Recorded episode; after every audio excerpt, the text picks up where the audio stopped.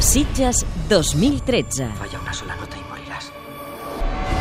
El Festival Internacional de Cinema Fantàstic de Catalunya, a Catalunya Informació, amb Àlex Gorina i Ferran Auberni. Dia 10.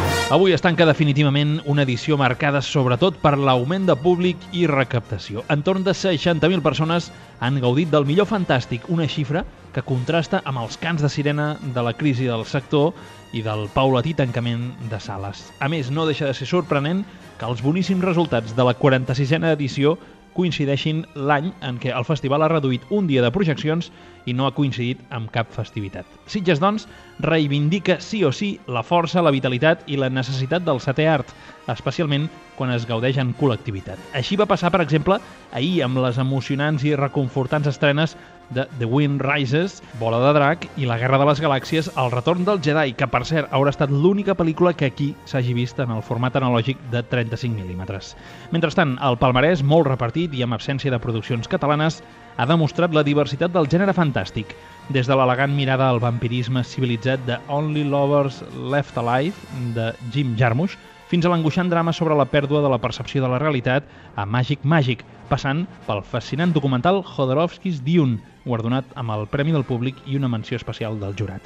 Un jurat integrat, entre d'altres, per l'actriu Aina Clotet, que ha explicat que li encanta la manera com el desconcertant thriller holandès Borgman, com sabeu reconegut com el millor títol de la competició, deixa portes obertes a l'espectador. Està en una línia entre l'experimentació i, i la cosa més convencional o més comercial que crec que és molt interessant.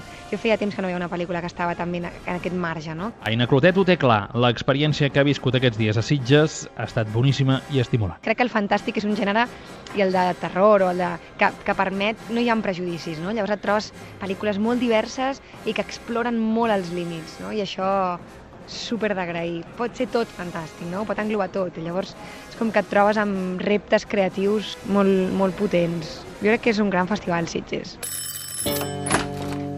Goedemiddag. La crítica. Zou ik hier misschien even een bad kunnen nemen? El premi a la pel·lícula Borman ha estat el primer reconeixement important a un film d'Àlex van Varberdam al nostre país.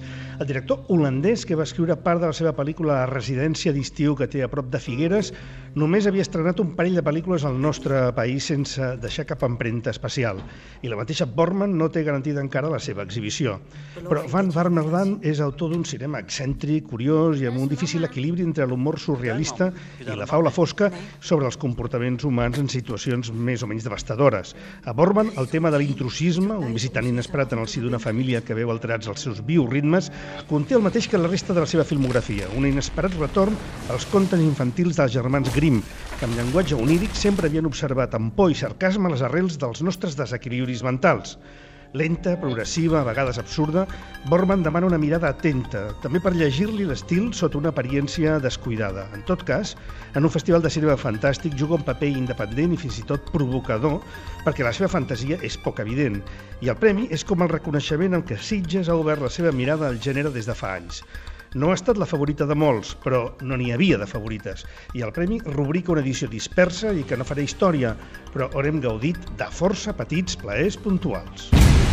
Mr. President, we have a situation. L'agenda.